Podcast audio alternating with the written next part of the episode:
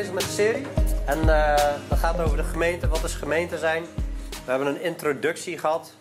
Uh, in, in, in, één preek. Wat is nou gemeente zijn? En dan gaan we nou in detail in verder kijken. Door de, Korinthe, de eerste Korinthebrief door te nemen. Daarna de eerste Timotheusbrief. En de gemeente, dat is het huis van God. Zo heten wij ook. Dat is de gemeente van de levende God. Zuil en fundament van de waarheid. De waarheid is enorm belangrijk. Gods waarheid is enorm belangrijk. Want de gemeente is niet onze, God, eh, onze gemeente, maar de gemeente van de levende God. En die waarheid, Jezus is de waarheid. Hè, en die gemeente is de zuil en fundament van de waarheid. Hier wordt de waarheid in, in, in verkondigd. En dat is heel belangrijk om, uh, om te beseffen. En uh, we hebben vorige keer gekeken naar de uh, Korinthe-gemeente. Hoe is die ontstaan? Paulus die had allemaal reizen. En op een gegeven moment heeft hij daar de Korinthe-gemeente gestart. Op zijn tweede, tweede reis. Hij is daar anderhalf jaar geweest. Nou, voor wie niet wist waar het lag. Nederland is hier. Daar heb je Griekenland. En daar onderin is Korinthe.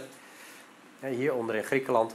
Onthoud ook even Athene. Athene komt ook nog even aan bod vandaag. Dat ligt op ongeveer uh, zo'n afstand uh, Eindhoven-Den Bosch, 30, 40 kilometer. We hebben het weer gehad over Jezus. Paulus stelt weer echt helemaal Jezus centraal. De boodschap van Jezus, dat is de wijsheid van God. We hebben ge, gezien dat we één van denken moeten zijn en één van gevoel. En dat er geen scheuringen onder ons moeten zijn. We moeten hecht aan één gesmeed zijn. Zoals een smid eigenlijk iets smeet en als dat vastzit, dan is het hecht aan één gesmeed. En laten wij ons vormen door de Heer. Laten wij ons hè, vloeibaar in elkaar smeden, zeg maar, zodat we hechte verbinding mogen zijn. Maar als we eigenzinnig en op een, een, natuurlijke manier, zoals de natuurlijke mens die God niet kent, met dingen omgaan, dan zullen er scheuringen zijn. We hebben het gehad over de dwaasheid van het kruis. God heeft gezegd: de, wijze, de, de wereld denkt wijs te zijn. Dan zal ik hen de dwaasheid van het kruis eh, bekendmaken. Maar dat is wijsheid bij, bij God. En vandaag heb ik even als titel genoemd: De wijsheid van God. Dat is het antwoord op de problemen. Er was verdeeldheid binnen de gemeente, maar de wijsheid van God is het antwoord. En de wijsheid van God vinden we in het woord van God. Als we dan beginnen in uh, hoofdstuk uh, 2, vers 1, dan zegt hij: En ik, broeders, toen ik bij u kwam, ben niet gekomen om u met voortreffelijkheid van woorden of van wijsheid het getuigenis van God te verkondigen. Want ik had mij voorgenomen niets anders onder u te weten dan Jezus Christus en die gekruisigd. Vond dat altijd een hele aparte zin. Jezus Christus en die gekruisigd. Denk, is dat normaal Nederlands? Dat is eigenlijk de kortste vorm van het evangelie. Jezus Christus. Jezus, hè, dat was zijn naam. God die redt. Christus de gezalfde. En die is gekruisigd. Dat is eigenlijk de allersimpelste vorm uh, van de evangelieboodschap. Jezus, of Paulus bracht de eenvoudige boodschap van het evangelie. Maar hij begint te zeggen, en ik broeders, toen ik bij u kwam, ben niet gekomen om u met voortreffelijkheid van woorden of, uh, of van wijsheid het getuigenis van God te verkondigen. Hij bracht gewoon het woord zoals het was. En Paulus waarschuwt ook van dat er een tijd zal komen dat mensen de gezonde leer niet kunnen verdragen maar zichzelf leraren zullen uitkiezen die oren kietelen. Hij was geen orenkietelaar, hij bracht gewoon eenvoudig het woord. En we leefden natuurlijk in een, in een tijd, hebben we al uh, over gehad vorige keer, maar ik zal nog eens wat uh, een voorbeeld geven. Hè, dat, dat uh, in Griekenland was de Griekse filosofie en de Griekse wijsheid, hè, dat was een hoogstaand iets. Dat was belangrijk in die cultuur. En Paulus kwam op een gegeven moment in Athene, voordat hij in Korinthe was geweest. En dan, dan zie je een heel interessant verhaal. Paulus gaat eigenlijk meestal eerst de synagoge in, een soort, soort kerk van de Joden. En daar verkondigt hij het evangelie. Maar in, in Athene lezen we dat hij, hij ging ook de markt op. zoals wij eigenlijk bij de piazza staan te evangeliseren, zo ging Paulus daar de markt op en sprak daar met mensen. Hij ging met mensen in gesprek. En er staat er op een gegeven moment in eh, Handelingen 17 is dat geloof ik. En dat er uh, epicurische en, en uh, stoïsche wijsgeren waren. Ja, dat zijn hele moeilijke woorden. Maar dat, dat, zijn, dat zijn mensen die een bepaalde filosofie aanhingen. En, en die, die wilden wel eens wat meer horen. En had je in Athene had je de Areopagus. In het Engels Mars Ill heet het. Maar de Areopagus, dat was een plek Dat was een platform dat iedereen die iets nieuws had te vertellen, die mocht daar gaan staan. Dus ze grepen Paulus eigenlijk en ze brachten hem naar de Areopagus. En daar wilden ze hem wel eens aanhoren. Wat is dat nou voor verhaal over die Jezus en die opstanding? Vertel ons eens wat nieuws. Vertel ons eens dat verhaal. En dan gaat Paulus heel wijs mee om. er staan er allemaal afgoden. En er staat ook een afgod van een onbekende God. En dan, dan verkondigt hij, uh, die onbekende God, die verkondigt hij aan hun. Nou, dat, dat, dat stoïcijnse, dat zie je zelfs in onze tijd nog terug. Er is ook een moderne variant van. En zo, dat waren mannen die allemaal mooie woorden konden spreken, zeg maar. Maar, maar Paulus was anders. Hij is niet gekomen om u met voortreffelijkheid van woorden of uh, van wijsheid het getuigenis van God te verkondigen. Ik heb mij voorgenomen niets anders onder u te weten dan Jezus Christus en die gekruisigd. Het ging niet om Paulus' eer, maar het ging om de eer van God. Dat hebben we vorige keer gezien. Alle eer komt aan God toe.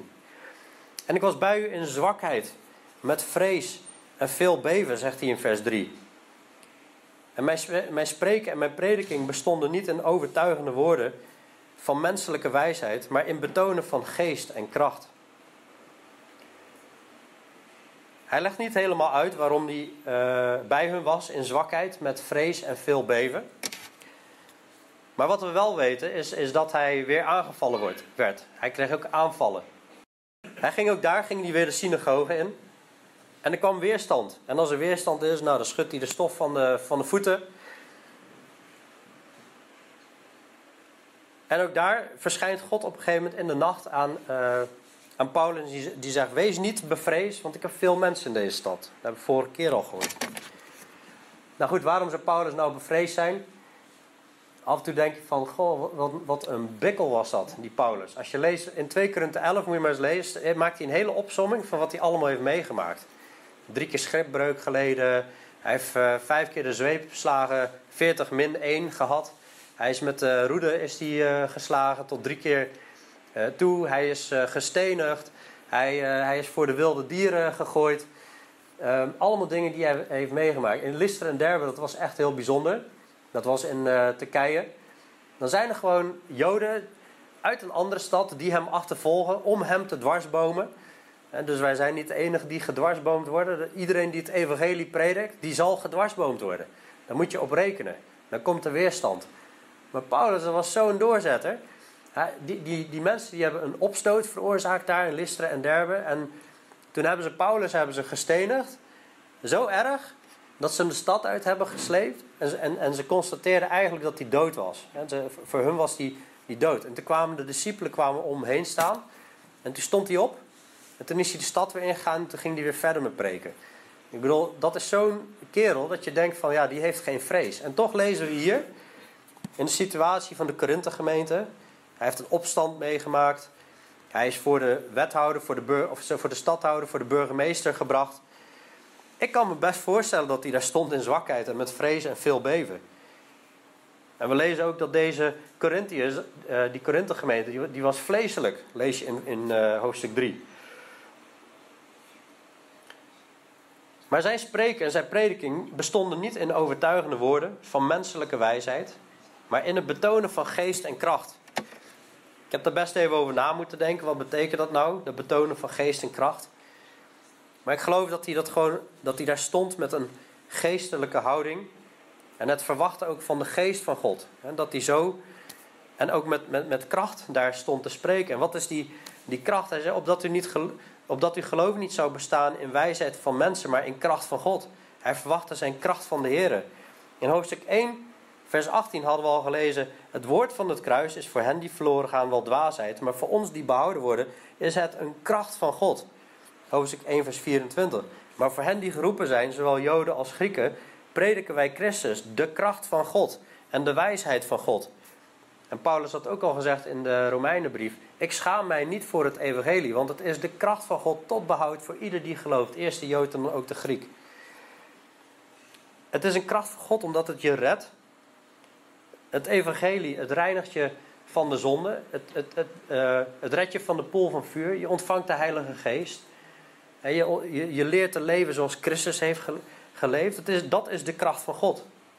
En niet al dat uiterlijke vertoon Hè, wat, wat, wat, waar ze misschien in die tijd nog erg naar keken. Want daar, daar gaat het over. Hè. Er was verdeeldheid. Want de een was van Apollos, de ander van Paulus, de ander van Petrus. En dat was de verdeeldheid. Maar in deze tijd hebben we ook vormen van verdeeldheid. Of uiterlijk vertoon. Of geef ons iets wat ons gehoor streelt. Of maak er een mooie show van. Of uh, we willen inspirerende sprekers. Iemand raak ons gevoel, raak onze emotie. Ik heb ook wel eens voor mensen moeten staan waarvan je wist van ja, die willen iets voelen, die willen iets beleven. Nou, dan sta je gewoon niet lekker achter een microfoon, want dan hangt het van mij af en niet van de kracht van God, zeg maar. Ja, maar en, toch zie je daar mensen tussen zitten op het moment dat jij gewoon eenvoudig het woord van God brengt, dat, dat de mensen toch naar je toe komen, wauw, dat was echt puur. die, die, die, waar, het toch bij raakt. Hij zegt ook opdat uw geloof niet zou bestaan in wijsheid van mensen, maar in, in kracht van God. Paulus gelooft dus dat het woord van God, dat dat tot echt geloof brengt. En dat als jij hele mooie uiterlijke vormen hebt, en jij moet het daarvan hebben, dan moet jij dat ook in stand houden. Mijn zwager in Amerika, die, uh, die is al uh, 25 jaar voorganger. Uh, die begon toen met een gemeente, nam die over na een scheuring met 40 man. Die was uitgegroeid tot een gemeente van 500 eh, eh, man. Over een periode van 20, 25 jaar dus. En die heeft geleerd, hij bracht gewoon het woord van God. Maar hij zag heel veel mensen om hem heen.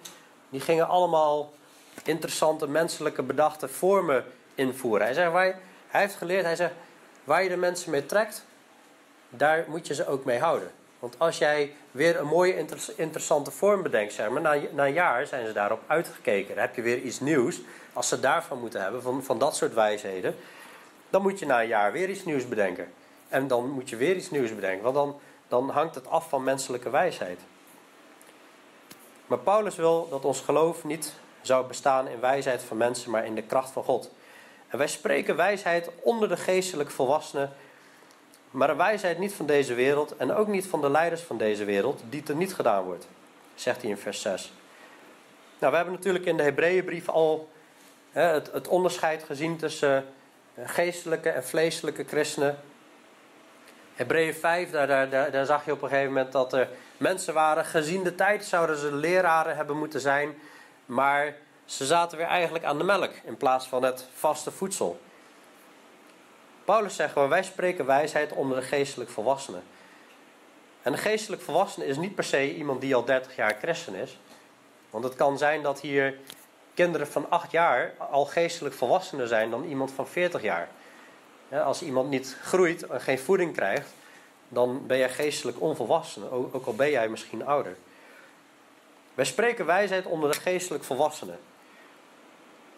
Maar wijsheid niet van deze wereld en ook niet van de leiders van deze wereld, die er niet gedaan worden.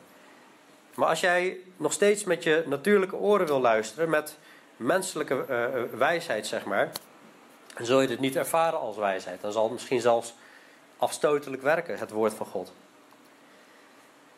Paulus zegt, vers 7, wij spreken echter de wijsheid van God. Als een geheimenis. Een wijsheid die verborgen was en die God voor alle eeuwen voorbestemd heeft tot onze heerlijkheid. Dus die wijsheid, dat is een kracht van God. En nou heeft hij het ook over een geheimenis.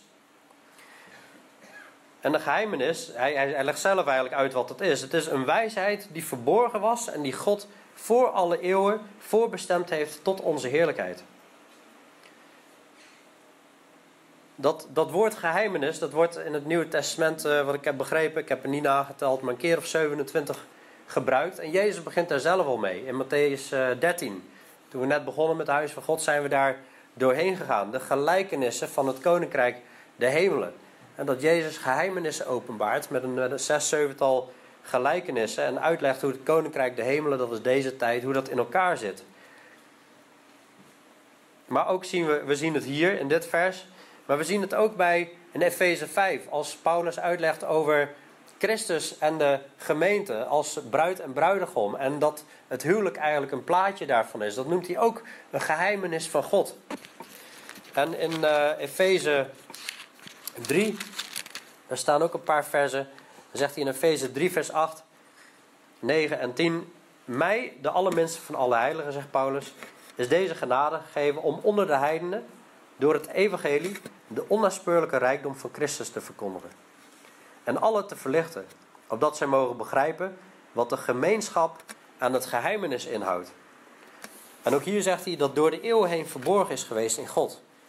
Die alle dingen geschapen heeft door Jezus Christus. Opdat nu door de gemeente aan de overheden en de machten in de hemelse gewesten de veelvuldige wijsheid van God bekend zou worden. Volgens het eeuwige voornemen dat hij gemaakt heeft in Christus Jezus onze Heer. Dat geheimenis wat verborgen was, is niet zomaar oh, een verrassing van God heeft in één keer zijn plan uh, gewijzigd of een, nieuw plan. Nee, dat was er al.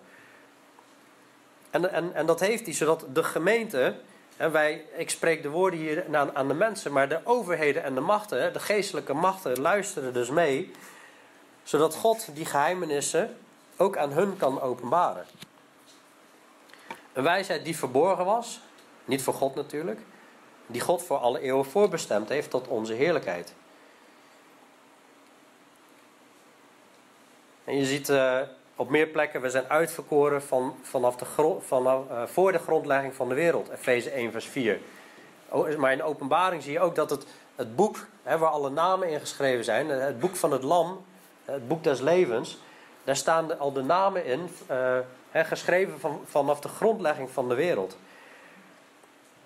Maar God heeft nog niet alle, alle details geopenbaard. Dat doet hij nu pas, in deze tijd Via Jezus Christus en daarna via de apostelen. En zo wordt het verhaal doorgegeven. En geven wij het vandaag de dag nog steeds door. En hij heeft het voorbestemd tot onze heerlijkheid, staat er in vers 7. Het is nu al een heerlijkheid dat we dit verhaal mogen kennen. Dat we gemeenschap hebben, mogen hebben met God. Dat we tot de troon van genade mogen naderen. En de Heilige Geest mogen hebben. En schoongewassen zijn. In Gods aanwezigheid mogen zijn. En want er staat dat als je dat niet hebt, alle hebben gezondigd en missen de heerlijkheid van God. We zijn weer in de aanwezigheid van zijn heerlijkheid. Alleen nog niet voorkomen. We moeten dit lichaam nog gaan, gaan afleggen. Ofwel door de dood, ofwel Jezus komt terug om ons op te nemen. In 1 Korinthe 15 gaan we leren hoe dat lichaam, hoe we dat nieuwe lichaam ontvangen en getransformeerd zullen worden. Naar die eeuwige heerlijkheid. En die heerlijkheid dat zit in een proces, zeg maar. En dan zullen we straks voor eeuwig bij, bij God zijn. In zijn licht, geen zon en maan zal er zijn. Maar het is een wijsheid die niemand van de leiders van deze wereld, vers 8, gekend heeft. Immers, als zij die gekend hadden, dan zouden zij de Heere der Heerlijkheid niet gekruisigd hebben. Als Pilatus, als Herodes, als de Joodse leiders geweten hadden wat uiteindelijk dit voor uitwerking zou hebben, dat uiteindelijk Jezus zo groot verheerlijk zou worden. En straks zijn koninkrijk gaat vestigen. En, en, en, en de gemeente verzameld wordt. Dan, eh, dan zouden, ze, zouden ze de Heer der Heerlijkheid niet gekruisigd hebben. Maar ik, ik geloof zelf zelfs dat dit een diepere laag heeft. Dat dit ook gaat over de, de leiders, de overheden en de machten van de duisternis, zeg maar. Als Satan en de demonen, als die geweten hadden. wat voor uitwerking dit werk aan het kruis zou hebben gehad ik bedoel, het is het, de, de domste set die Satan heeft kunnen maken. Ik bedoel, hij voer in Judas, hij, hij heeft hierin meegewerkt, hij heeft hierop aangestuurd om de Messias te vernietigen. Maar dat Jezus weer op zou staan uit de dood en daarmee de dood en de zonde zou verslinden. Als hij dat had geweten, dan had hij het waarschijnlijk niet gedaan. Want in Colossense 2 staat dat hij daardoor ontwapend is want alle bepalingen die tegen ons gericht waren, die zijn nu genageld aan het kruis en hij kan ons niet meer veroordelen. Hij kan niet meer zeggen, moet je eens kijken wat hij... hij ja, maar er is, geen, er is geen wet meer tegen ons gericht, zeg maar. Die is genageld aan het kruis. En dat wil niet zeggen dat je alleen maar vrij door moet gaan in zonde, want daar ben je dan mee klaar. Dat heb je afgerekend. Maar die uitwerking daarvan, dat wij daardoor kinderen van God zijn geworden. Als ze dat hadden geweten, zouden ze de Heeren der Heerlijkheid niet gekruisigd hebben. dus die wijsheid, dat, dat, dat zorgt ervoor dat wij uiteindelijk, die was verborgen. En die heeft God voor alle eeuwen voorbestemd tot onze heerlijkheid. En hier in vers 8 wordt Jezus de Heere der Heerlijkheid genoemd. Hij is die Heere zelfs van de heerlijkheid. Vers 9 staat, maar het is zoals geschreven staat, wat geen oog heeft gezien en geen oor heeft gehoord en in geen menshart is opgekomen Dat is wat God bereid heeft voor hen die hem liefhebben. Het is een ontzettende bemoediging. Ehm, bij dit vers wordt heel vaak, en dat doe ik zelf ook, gekoppeld aan wat er nog komen gaat. wat geen oog heeft gezien, geen oor heeft gehoord, geen menshart is opgekomen. het nieuwe Jeruzalem, nieuwe hemel en aarde. In openbaring 21, 22, lees je daarover. Maar eigenlijk in de context refereert dit aan de wijsheid van God die nu geopenbaard is. En dat is al wat geen oog heeft gezien en geen oor heeft gehoord en in geen menshart is opgekomen. Dat is wat God bereid heeft voor hun die hem lief hebben. Het is nu al iets wat zo ontzettend groot is. Het is de kracht van God. en uh, natuurlijk houdt dat ook in dat uiteindelijk dat totaalplaatje verwezenlijk zal worden. Straks hierna. Maar dit is al zo bijzonder. Vers 10. Aan ons echter heeft God het geopenbaard door zijn geest. De geest immers onderzoekt alle dingen, zelfs de diepte van God. Toen Jezus in eh, Johannes 14 ging uitleggen aan de, aan de apostelen: Ja, ik moet weggaan. Ik, ik moet jullie gaan verlaten. Ja, toen waren ze bedroefd. Ze waren verdrietig. Maar Jezus zei: Ja, laat jullie hart niet ontroerd worden. geloof je in God, geloof ook in mij. Want in, het huis van mijn vader er zijn veel woningen. Ik moet daarheen gaan. Ik moet een plaats bereiden. En als ik heen ga en, en jullie een plaats bereid heb, dan zal ik terugkomen. Ik zal jullie tot mij nemen, zodat jullie ook kunnen zijn waar ik ben. En dan gaat hij uitleggen in Johannes 14. Eh, ik lees een stukje uit Johannes 14 en Johannes 16.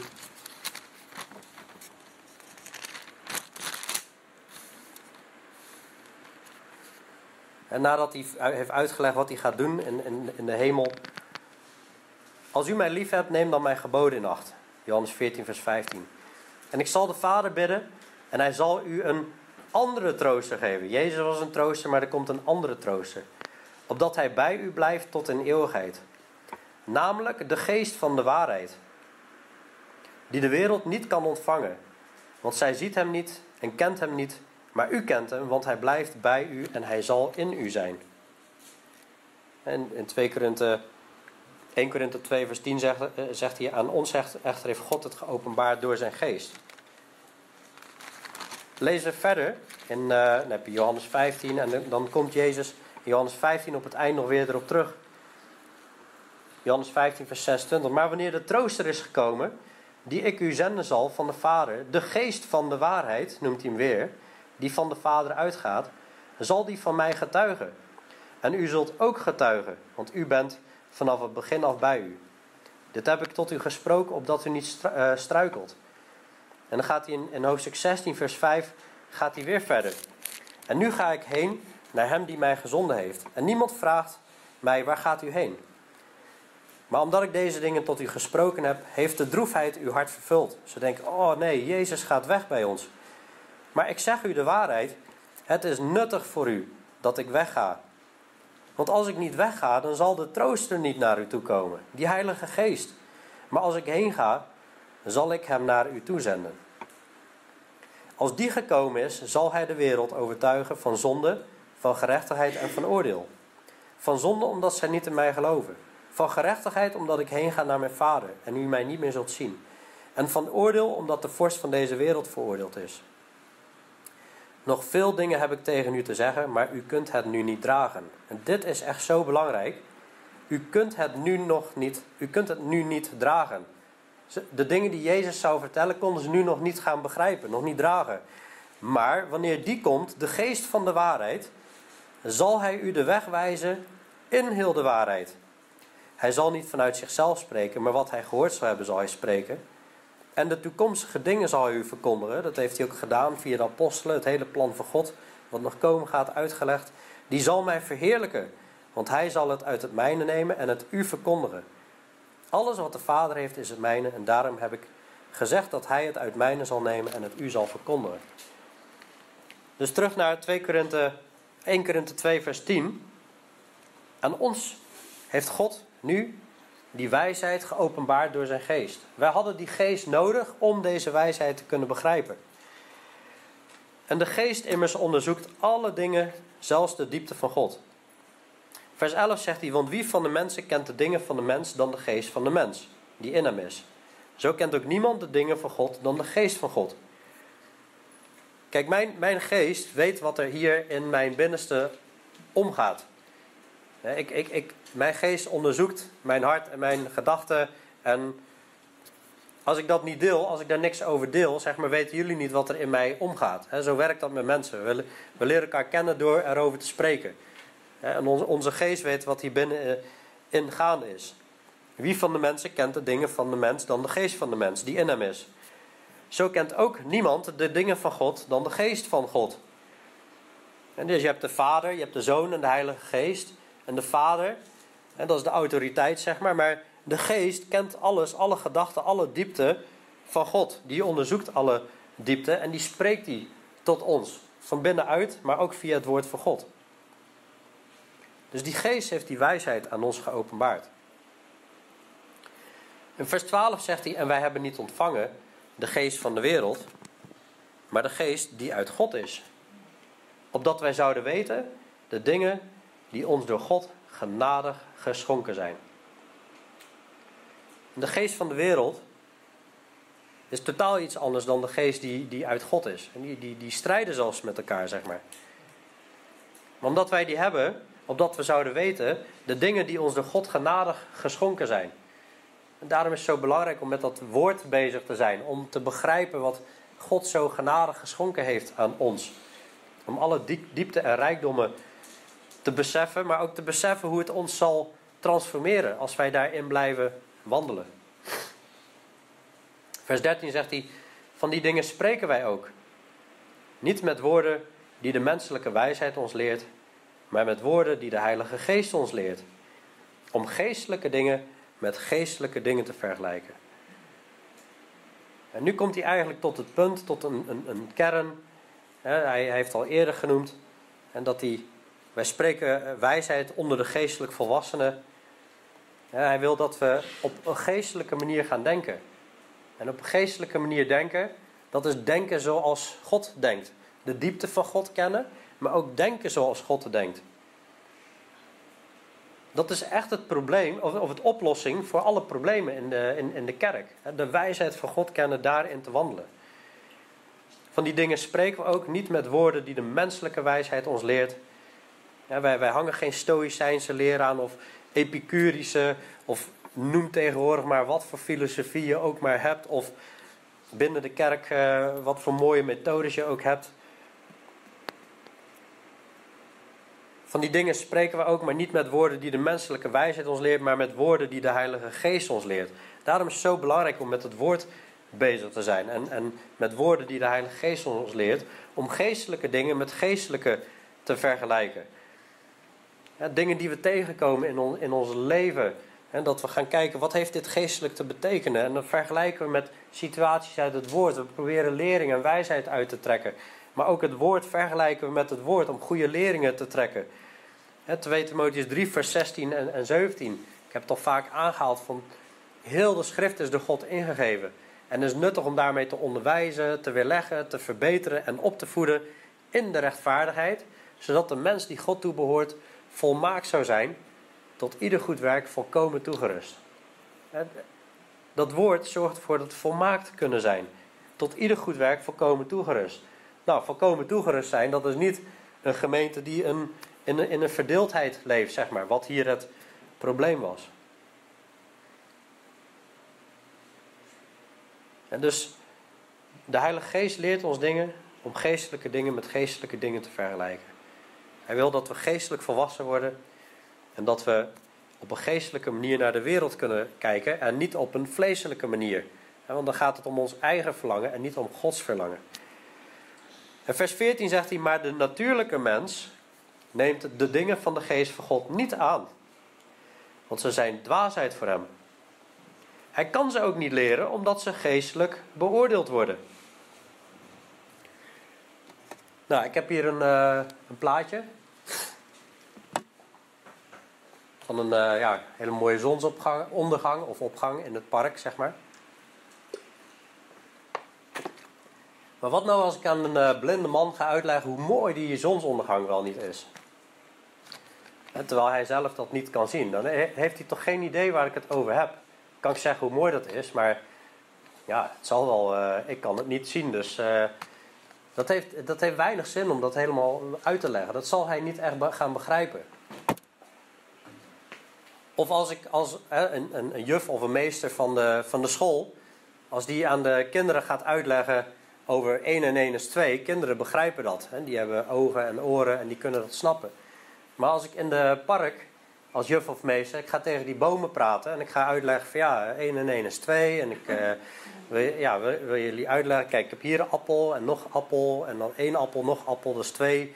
Ja, die boom die heeft geen ogen of oren, dus die gaat dan natuurlijk niet snappen. Je kunt het proberen, ga straks maar hierachter staat een boom, ga maar proberen uit te leggen, 1 en 1 is 2, gaat die boom niet snappen. Zo is het eigenlijk met de natuurlijke mens ook. Maar misschien nog een voorbeeldje. Stel, wij zouden de zonnestralen willen opvangen van de zon. En die energie gaan gebruiken, zeg maar. Nou, ik kan een, uh, een zakje kopen bij de Albertijn voor 25 cent.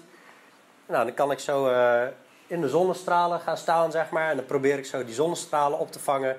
En dan kan ik die zak dicht doen. Nou, die zak die zal misschien een beetje warm zijn, maar ik heb daar niet zoveel aan, aan die warmte. Maar als jij zonnepanelen hebt op het dak, die zijn ervoor gemaakt om zonne-energie op te vangen en die energie om te gebruiken naar iets nuttigs. Zo zou je het een heel klein beetje kunnen vergelijken met de natuurlijke mens. En dat is de mens die van Adam afkomt. Deze mens met een natuur die je vast kan pakken, zeg maar. We zijn allemaal als eerste geboren als natuurlijke mens. Die neemt de dingen van de geest van God niet aan. God moet dat eerst openbaren. Ze zijn zelfs dwaasheid voor hem. Hoe vaak vertel ik wel niet het evangelie aan mensen en dat ik achteraf het gevoel heb van ik, ik had volgens mij net zo goed tegen een muur kunnen praten. Die vatten het niet. En, en soms zijn er ineens mensen en die vatten het wel. En die begrijpen het wel. Waarom? Omdat God hun hart opent en ze hebben zelf open oren. Die natuurlijke mens, hij, kan ze ook niet leren omdat ze geestelijk beoordeeld worden. Geestelijk begrepen worden. Je, je, je moet echt opnieuw geboren worden om de dingen van God te kunnen begrijpen. Vanuit Gods geest. Kunnen eh, mensen allemaal details gaan uitleggen over de Bijbel. En over dingen die, die uh, ja, God vindt dat goed is. Maar dat heeft allemaal totaal geen zin. Het begint met het evangelie. Als iemand het evangelie niet heeft aangenomen, heeft dat geen nut. Vers 15 zegt, de geestelijke mens beoordeelt wel alle dingen zelf echter wordt hij door niemand beoordeeld. Ik moet zeggen, in mijn voorbereiding voor de preek vond ik het echt een hele lastige zin. Ik heb misschien wel, uh, misschien wel anderhalf uur mee bezig geweest. Ja, niet continu, maar zo in, uh, in de loop. Maar kijk, de eerste stukje, dat snap ik nog wel. De geestelijke mens beoordeelt wel alle dingen. Die is alles aan het toetsen. In, in, mijn, in mijn leven, elke stap die ik doe, is dat geestelijk? Is dat in overeenstemming met Gods wil? En misschien ook, ook dingen waar de wereld mee bezig is. Die, die begrijpt het natuurlijke en die begrijpt het geestelijke. Zelf echter wordt hij door niemand beoordeeld. Nou, volgens mij worden wij allemaal nog steeds wel beoordeeld door mensen, door collega's of. Uh, maar ik heb best wel wat hierover gezien. Elke keer ik van. Ik vind het niet echt helemaal een goede, passende uitleg. De enige best passende uitleg die, die ik duidelijk vond, is als je het woord beoordelen gaat zien als begrijpen. Als je het zou lezen als de geestelijke mens begrijpt wel alle dingen, beoordeelt en begrijpt wel alle dingen. Zelf echter wordt hij door niemand begrepen. En dan, dan, dan is het wat passender. Ik geloof in de grondtekst dat dat ook is toegestaan. Maar goed, hoe dan ook, ik denk dat de hele setting hier ons wil leren het gaat erom dat een natuurlijke mens begrijpt de dingen van God niet. Een geestelijke mens wel. En die is daarmee bezig om dat toetsen en te beoordelen. Want wie, vers 16, heeft de gedachten van de Heer gekend? Dat hij hem zal onderrichten. Dat hij de Heer zal onderwijzen. Maar wij hebben de gedachten van Christus. En dat is door de geest. Dus wat wilde hij volgens mij eigenlijk zeggen? Wij hebben de gedachten van Christus. Laten we dan ook geestelijk leven. Laten we dan ook ons vullen met die wijsheid van God. Laten we dan ook wel serieus omgaan met de dingen van God. En niet met aardse methodes en aardse wijsheid bezig zijn. En hoewel ik volgende keer met hoofdstuk 3 verder ga, wil ik toch wel even een stukje al lezen. Want eigenlijk komt hij hier een beetje tot de clue, tot de, tot de conclusie. Hij zegt, en ik broeders kon niet tot u spreken als tot mensen die geestelijk zijn, maar als tot mensen die nog vleeselijk zijn, als tot jonge kinderen in Christus. Dus we zien eigenlijk, je hebt een natuurlijke mens, je hebt een, een, een geestelijke mens die nog, die wel uh, God kent, maar die nog vleeselijk is. En je hebt geestelijke christenen. Je hebt vleeselijke christenen en geestelijke christenen. Nou, hij kon niet tot hen spreken als de mensen die geestelijk zijn, maar als tot mensen die nog vleeselijk zijn. Hij moest ze bijna gaan benaderen als die natuurlijke mens. Als tot jonge kinderen in Christus. Ik heb u met melk gevoed en niet met vast voedsel. Want u kon dat nog niet verdragen. Ja, u kunt dat ook nu nog niet. Terwijl er eigenlijk al wel weer een paar jaar overheen zijn gegaan. We zouden eigenlijk verwachten dat ze dat nu al wel zouden moeten begrijpen. Maar het was een puinhoop in die kerk. En, die, er was verdeeldheid, hoererij. Dingen werden voor de rechter uit, uh, uitgevochten. En dat verhaal wat ik jullie toen straks ook vertelde, dan denk ik van ja, dat valt volgens mij ook in die categorie. U bent nog vleeselijk, zegt hij. Als er iemand, als er immers onder u afgunst is en ruzie en tweedracht, bent u dan niet vleeselijk en wandelt u dan niet naar de mens? In Galaten 5 noemt hij zelfs een hele lijst met vleeselijke dingen. Van hoererij, maar ook egoïsme. Maar er staat ook ruzie bij. En, en, en tweedracht, en afwijking in de leer. Of ruzie en afgunst staat erbij.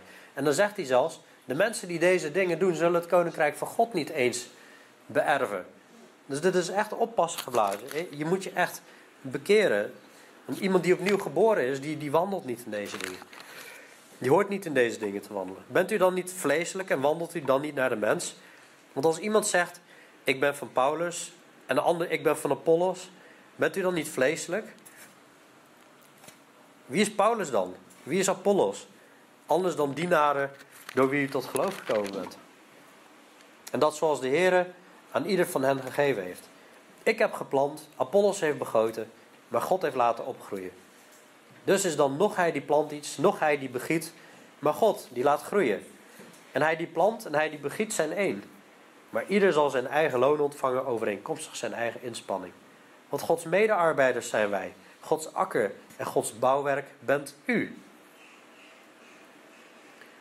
Nou, gaan de volgende keer gaan we daar uh, wat dieper op in. En uh, ja, de conclusie waar eigenlijk naartoe aan het werk is, is dat de wijsheid van God, dat is het antwoord op de problemen. En gaan leven en wandelen door de geest. De geest van God onderzoekt alle dingen. De diepte van God. Laten wij dan ook dit gaan onderzoeken, die diepte van God. Ik heb even wat samenvattingspunten. Uiterlijk vertoon is niet belangrijk, maar de wijsheid van God. Als wij bezig zijn met uiterlijk vertoon, met hoe iemand spreekt in plaats van wat iemand spreekt, of, of, of dat een mooie show moet zijn, de kerk, dat is uiterlijk vertoon. Maar het draait om de wijsheid van God. En de geestelijke mens verdiept zich in het geestelijk, geestelijke. Dus als je als christen niet aan het verdiepen bent in de geestelijke dingen, dan zegt hij ja, dat je vleeselijk bent. En de natuurlijke mens begrijpt de dingen van God niet. Gedraag je dan als geestelijk mens dus ook niet zo. Ik geloof dat dat wel ongeveer de conclusies zijn van wat, wat we uit dit stuk hebben geleerd van vandaag. Laten we bidden. Hemels Vader, Heer Jezus, dank u wel voor uw wijsheid. Dank u wel dat u uw wijsheid aan ons geopenbaard hebt. Dank u wel dat u ons er weer bij bepaalt dat het draait om de wijsheid van God en uw woorden. En dat de geest van God uw woorden, Gods woorden openbaart aan ons en kenbaar maakt. Dank u wel dat we het ook mogen begrijpen, Heer, door uw geest. Heer, wilt u ons ook helpen om alles wat we meemaken in het leven ook te onderzoeken. Geestelijk te toetsen. Geestelijke dingen met geestelijke te vergelijken. Ook als we het woord lezen.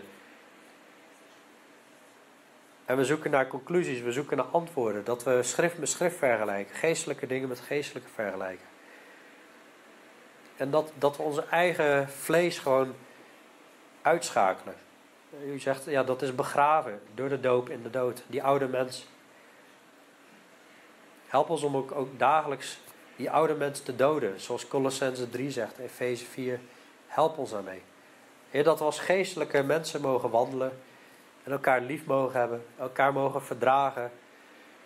Heer, dat we hecht en neergesmeed mogen zijn. Eén van denken en één van gevoel.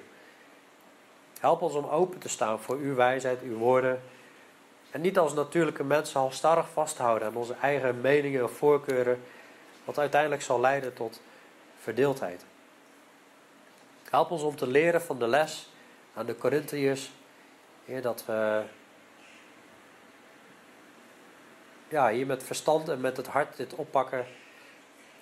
Heer, om te, te wandelen in uw wijsheid, Heer. En, uh, dank u wel voor die wijsheid die u geopenbaard hebt. Heer, wilt u zo ook ons allemaal zegenen weer deze week.